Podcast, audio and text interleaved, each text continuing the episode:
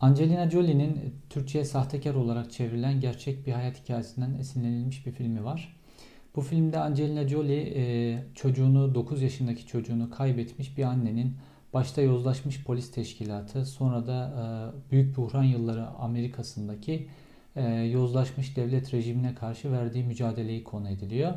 Ve bu anne çocuğunu bulabilmek için polis teşkilatıyla ve devletle verdiği mücadelede deli gömleği giydirilerek bir akıl hastanesine kapatılıyor sonunda ve oradaki mücadelesiyle birlikte de pek çok çocuğun hayatını kurtardığı e, bir noktaya geliyor. Şaban Vatan'ın mücadelesiyle bu filmde anlatılan hikaye birbirine çok benziyor.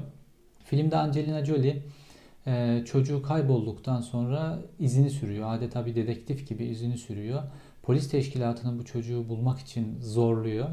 En sonunda polis teşkilatı e, bir çocuk bulup getiriyor ve medyanın desteğiyle de sanki onun çocuğuymuş gibi ona kabul ettirmeye çalışıyorlar. Sonrasındaki mücadelesi devam ediyor. Polis teşkilatının işin içerisindeki o hantal yapısı, polis teşkilatının siyasetle ilişkileri vesaire bunların hepsinin üzerine bir rahiple beraber gitmeye çalışıyor. Ve sistemi rahatsız etmeye başlayınca da e, Christina Collins yani gerçek hayattaki ismiyle bir akıl hastanesine kapatılıyor ve akıl hastanesinde kendisi gibi sistemle sorunu olan, sistemi sorgulamış e, başka kadınların da orada olduğunu e, görüyor ve sonra onlar için de bir mücadele başlatıyor.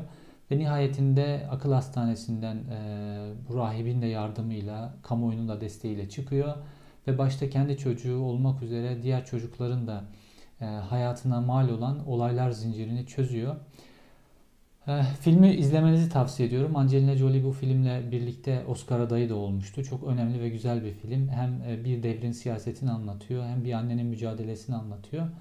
Hem de sistemle çarpıştığınız zaman, yozlaşmış yapılarla çarpıştığınız zaman başınıza neler geldiğini gösteriyor. Şimdi Angelina Jolie'nin bu filmiyle Şaban Vatan'ın Rabia Naz için, kızı Rabia Naz için verdiği mücadele arasında çok büyük paralellikler var.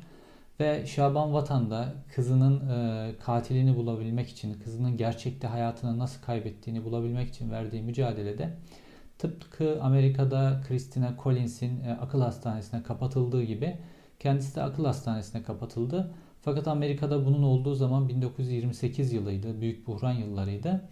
Türkiye bunu 2019-2018 yılında yaşadı. Belki de Türkiye'nin büyük buhranı bugünlerde oluyor. Şimdi Şaban Vatan'ın akıl hastanesine kapatılmasına baktığımızda orada 3 kişinin şikayeti var. Bunlardan bir tanesi sonradan e, çocuğun hayatını kaybetmesiyle ilgili ifadesini değiştiren kendi akrabası. E, bir tanesi Nurettin Canikli. E, bir tanesi de e, Eynesi'nin eski belediye başkanı ve bu olayda kilit konumda e, olduğunu birazdan anlatacağım kişi. Rabia Naz 13. Nisan 2018'de hayatını kaybetti. E, bu hayatını kaybedişiyle ilgili savcılığın bir teorisi, e, babasında başka bir teorisi var. Savcılığın teorisine göre Rabia Naz yaşadıkları binadan düştü e, ya da intihar etti. Babasının teorisine göre ise Rabia Naz'a e, Eynesil Belediye Başkanı ve bu olaydaki kilit kişi olan Coşkun Somuncuoğlu'nun yeğeni bir arabayla çarptı. Ondan sonra da Rabia Naz'ı getirip o binanın önüne sanki düşmüş gibi bıraktı. Şimdi savcılık önce teorisinde Rabia Naz'ın binadan direkt bahçeye atladığı şeklinde kayıtlara geçirmişti savcılık ve polis. Fakat olay yerinde keşif yapılınca binanın önünde bir çıkıntı var, bir çatı çıkıntısı var ve yaklaşık 2-2,5 metrelik bir çıkıntı. Rabia Naz'ın veya herhangi bir insanın binadan e, atlaması halinde bu çıkıntıyı aşarak e, bahçeye düşmesi mümkün değil. Artı düştüğü yerde kan izleri olması lazım fakat Rabia Naz daha ileri bir noktada duruyor ve işte kan izleri de o durduğu noktada çok az bir kan izi var. Sonra savcılık bu teorisini değiştirdi. Rabia Naz'ın binanın yan tarafındaki e, çalılık, fındıklık gibi bir yere atladığı, sonra buradan sürünerek e, bulunduğu yere geldiği şeklinde bir teori ortaya çıkardı. E, İçişleri Bakanlığı müfettişleri de sonraki raporlarında buna uygun beyanlar verdiler mecliste. Fakat burada da şöyle bir sorun var. Bu bahçe yaklaşık 2-2,5 metre Rabia Naz'ın bulunduğu yerden yükseklikte ve dik bir şekilde inmeniz gerekiyor. Rabia Naz bulunduğunda işte beli kırılmış, e, ayak bileği paramparça olmuş, e, omuriliği dağılmış bir şekildeydi. Ve böyle düştüğü, düşen bir çocuk, 11 e, yaşında bir çocuk böyle adeta komandonun bile sürünemeyeceği bir halde oradan sürünerek normal insanların inmeye zorlandığı 2-2,5 metrelik o dik alandan sürünerek, inerek e, evin önüne kadar geliyor. Hatta evin kapısına da hani yardım istemek için evin kapısına sürünmesi gerekirken bahçenin ortasına doğru sürünüyor ve orada bekliyor. E, sonra da işte yakınlarından bir tanesi pencereden görüyor vesaire. Şimdi babanın teorisine göre ise Enesil Belediye Başkanı Coşkun Somuncuoğlu'nu yeğeni Rabia Naz'a çarptığı şeklinde.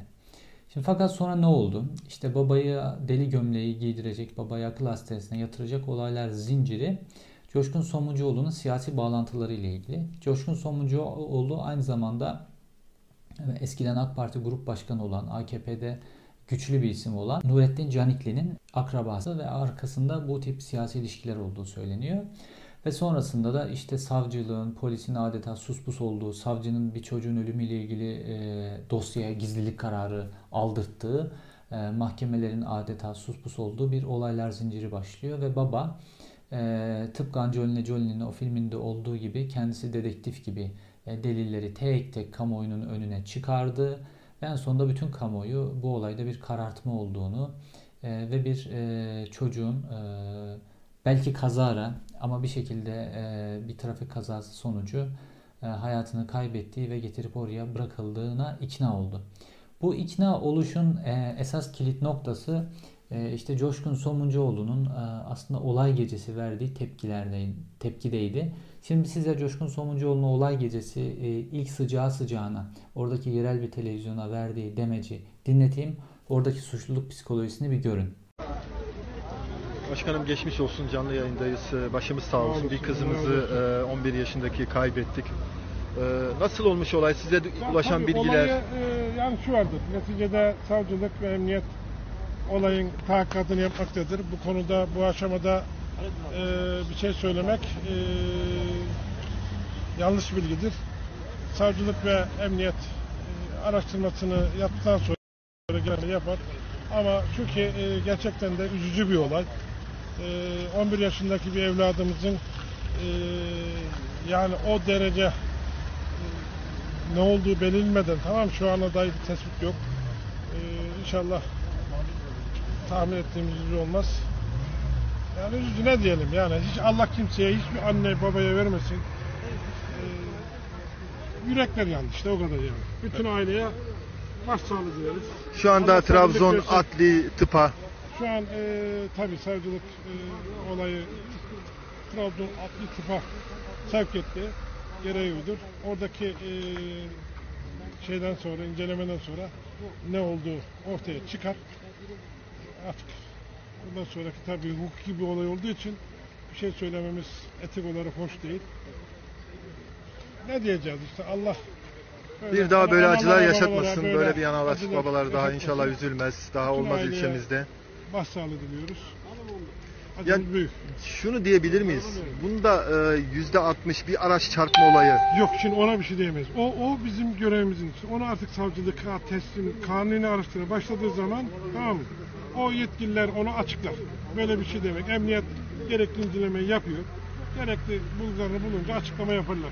Şimdi söylenecek bir şey oradaki araştırmayı saptırmaktır. Olay daha çok sıcak. Coşkun Somuncuoğlu orada trafik kazası, kaza gibi bir e, e, lafı duyduğu anda verdiği tepkiyi görüyorsunuz böyle. Bir anda o suçluluk psikolojisi zaten konuşmasının geneline bir suçluluk psikolojisi yayılmış vaziyette. Yani adeta böyle suçüstü yakalanmış biri gibi hani böyle ilçesindeki bir kişi bir çocuk hayatını kaybetmişti ona tepki veren birisi gibi değil. Böyle kameranın karşısında, sorular karşısında inanılmaz derecede rahatsız ve suçluluk psikolojisi içerisinde konuşuyor. En sonunda da kaza olduğu iddiası ile ilgili sorudaysa Coşkun Somuncuoğlu adeta hemen topu savcılığa vesaire atıyor. Zaten sonra olayın bütün hepsinin üzerinin kapatılması da Türkiye'deki işte Tayyip Erdoğan'ın şu an kılıcı haline gelen yargı e, sayesinde oldu. Nurettin Canikli e, yani bütün bu olayın organizatörü olarak suçlanan kişi AKP'de çok önemli bir isim. E, Böyle icracı bir bakanlık almadığı halde AKP döneminde işte e, parasına para malına mal katmış isimlerden bir tanesi. E, Ankara Gölbaşı'nda böyle ultra lüks bir çiftliği var. E, İşte zaman zaman gazetecileri götürüp ağırlamasıyla bilinir o çiftlikte. Ve böyle adeta AKP içerisindeki gölge güçlerden bir tanesidir.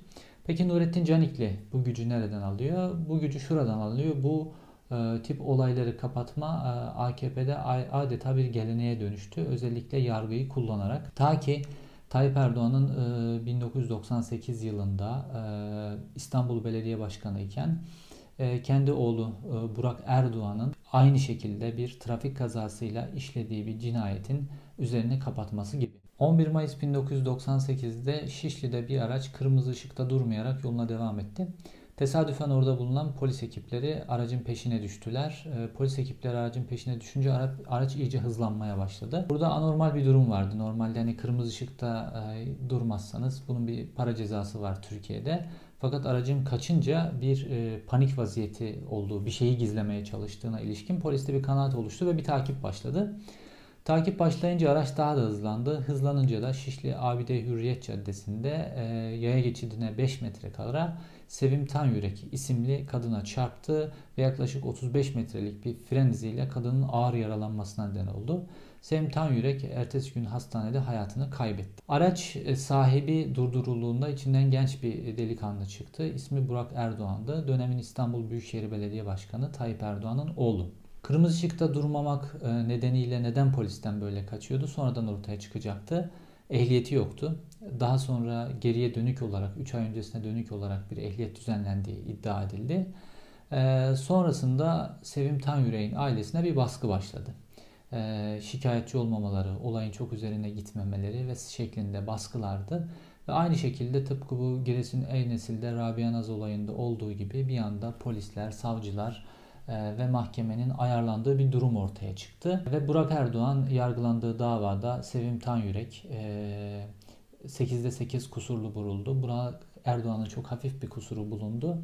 Ve e, Burak Erdoğan 3 aylık bir hapis cezasıyla, paraya çevrilebilen bir hapis cezasıyla kurtuldu. Bu sırada Burak Erdoğan alelacele İngiltere'ye gönderilmişti ve mahkemeye hiçbir şekilde gelip çıkmadı. Karakol yüzü o andan sonra hiç görmedi, savcılık yüzü görmedi. Ee, ve savcılıkta e, sürekli olarak ailenin aileyi sıkıştıran bir tarz izledi. Tıpkı bu Ey Nesil'de Rabia Naz olayında olduğu gibi. Sonrasında e, AKP'nin e, iktidara geldiği yıllarda bu soruşturmada görev alan savcı, hakim, polisler vesaire bunların hepsi iyi noktalara geldiler. Oldukça iyi noktalara geldiler. Bunların da dönem dönem işte hep bu Burak Erdoğan'ın davasında e, görev alan savcılar, hakimler, polisler olduklarına ilişkin haberler yapıldı. Şimdi buradaki model, e, Tayyip Erdoğan'ın oğlunu kurtarmasındaki model, e, sonrasında işte e, Türkiye'nin genel bir modeli oldu. Yani bir parti, o partinin yetkilileri e, herhangi bir suça kalıştıklarında yargı bunları aklamak için bir mekanizmaya dönüştü. E, şu an olduğu gibi, şu an bu zirvede. Rabia Naz olayı burada biraz sembol olması e, nedeniyle de böyle kamuoyunda çok konuşuluyor. Çünkü Rabia Naz'ın babası böyle her şeyi ap açık biçimde delilleriyle o kadar ortaya koydu ki artık kaçacak yerleri kalmadı neredeyse ve işte en son çare bir deri gömleği giydirmek. Tıpkı Amerika'da olduğu gibi onu da yaptılar, yapmaya çalıştılar. Şimdi bir deli gömleği komple bir ülkenin üzerine yargı eliyle geçirilmiş durumda. Her gün birileri tutuklanıyor, tweetten tutuklanıyorsunuz vesaire. Fakat bu model e, Tayyip Erdoğan'ın ta belediye başkanlığı döneminde yargı eliyle geliştirdiği bir model şimdi Türkiye'nin e, geneline yayılmış durumda ve e, sadece Tayyip Erdoğan için değil AKP'liler için hepsi için bir koruma şemsiyesine dönüştürüldü bu model yargı eliyle aklama. Rabia Naz'ın hayatını kaybettiği Ey Nesil'in e, değişik bir özelliği var. Oldukça garip bir e, ve derin bir ilçe diyeceğimiz bir yer. Ee, Danıştay katili Alpaslan Aslan'ın da Danıştay cinayetinden kısa bir süre önce Eynesil'le bir teması var. Bu nereden geliyor? Şimdi Eynesil e, Veli Küçük'ün e, görev yaptığı, Giresun daha doğrusu Veli Küçük'ün görev yaptığı yerlerden bir tanesi. Ee, Danıştay baskınından önce bir araç e, hızlı biçimde Eynesil'in civarında seyrediyor ve ters yöne giriyor zaman zaman. Bu araçla ilgili emniyete şikayet geliyor. 155'e şikayet geliyor ve işte polis peşine düşüyor aracın önünü kesiyorlar vesaire. Araç durdurulunca, önü kesilince araçtan iki kişi iniyor ve bunlar işte çalılıklara doğru, ormana doğru kaçıyorlar. Polis peşlerine düşüyor. Kaçanlardan bir tanesi belinden silahını çıkarıp çalılıklara atıyor. Fakat polis görüyor. Sonra polis bu kişiyi yakalıyor. Diğeri fındıklıkların içerisinde izini kaybettiriyor. Bu yakalanan kişi Alpaslan Aslan. Ve attığı silah da Glock marka işte hayalet silah dediğimiz silah. Sonra Eynesil e, savcılığına çıkartılıyor bu kişi vesaire. Sonra sonrasında biz e, daha doğrusu bütün bu hikayeyi Alparslan Aslan Danıştay cinayetini yine aynı biçimde bir Glock marka silahla e, işledikten sonra ve bu yine yakalandıktan sonra e, öğrendik. Ergenekon savcılığı, o dönemki savcılık bu Danıştay cinayeti Ergenekon'la birleştirilince bu ilginç durumunu da araştırdı. Bu Ey nesildeki e, bir süre önce Danıştay cinayetinden önce işlediği, yaptığı bu işle ilgili. Fakat enteresan biçimde e, bir aracın böyle e, şüpheli biçimde hızlı seyretmesi, ters yönlere girmesi, Ey nesil Giresun gibi küçük bir yerde sonra araçtaki kişilerin polise yakalanmamak için kaçmaları, kaçanlardan birinin ruhsatsız bir Glock marka tabancayı çallığın içine atması, o tabancanın bulunması ve bu tabancaya atan kişinin bir avukat ol, olması nedense ENS savcılığının e, hiç ilgisini çekmemiş ve Alparslan Aslan'ın bu olayı savcılıkta soruşturma takipsizlikte sonuçlanılmış hiçbir işlem yapılmamış. Ergenekon savcılığı bununla ilgili delilleri isteyince hiçbir işlem yapılmadığı ve bununla ilgili Alparslan Aslan'ın bir ceza almadığı ortaya çıktı. Çok ilginç. Bunun sebebi işte Veli Küçük'ün o görev yaptığı dönemde işte o Giresun Gümüşhane bölgesinde kurmuş olduğu güçlü çatı. E şimdi orada e, oluşan çatı hani Türkiye'de belli şeyler değişmiş olsa da yıllar içerisinde görüyoruz ki değişmemiş. İşte Veli Küçük'le e, bu e, Rabia Naz cinayetindeki kilit, kilit isim e, Coşkun Somuncuoğlu arasında da bir samimiyet olduğu biliniyor. Ve bu Coşkun Somuncuoğlu da aslına bakarsanız böyle ey nesil üzerine tıpkı böyle Veli Küçük'ün bir dönemler bütün ülke üzerine kurduğu gibi böyle mafyatik bir baskı kuran bir kişi ve böyle mafyatik kişiliğiyle tanınıyor Coşkun Somuncuoğlu. E, ve Rabia Naz'ın babasını da işte hani akıl hastanesine attıracak kadar orada bir mafyatik yapı kurdu. Ha, sırtını dayadığı kişi de işte şu an iktidarda olan Nurettin Canikli ve Adalet ve Kalkınma Partisi. Türkiye'nin küçük bir modelini Rabia Naz olayında görüyoruz. Mafyalaşmış devlet, bununla ittifak etmiş polis, savcılık, e, çocuklar dahil kimsenin hayatının e, güç karşısında önemli olmaması ve buna karşı bir babanın vermiş olduğu mücadele, buna verilen kamuoyu desteğiyle bir çırpınış, onur, direniş mücadelesi var. Bununla ilgili işte akıl hastanesine atılmak dahil e, bir sürü karşılaşılan zorluklar var. E, ve e, bir mafya devletinin, bir parti devletinin mafya dönüşmesinin ve çıplak biçimde ortaya çıkarılması var. Ve burada da işte Türkiye'nin modeli gibi her şey ortaya çıkıyor. İşte Alparslan Aslan'ından tutun, AKP'nin kilit noktalarına kadar tutun ve Tayyip Erdoğan'ın kendi oğlunun işlediği trafik kazasının üzerinin nasıl kapattığının bu e, ülkenin küçük bir ilçesinde bile modellenmesine kadar tutun. İşte parti devleti böyle bir şey. Adalet ve Kalkınma Partisi'nin e, kurduğu devlet de böyle bir şey. Hani Hazreti Ömer'in adaletinden bahsediliyor ama bir baba 11 yaşındaki bir çocuğunun e, bütün deliller ortada olması haline rağmen e, katilini arıyor ve hani Hazreti Ömer'in adaletini bırakın orman kanunlarındaki adaletle bile karşılaşamıyor.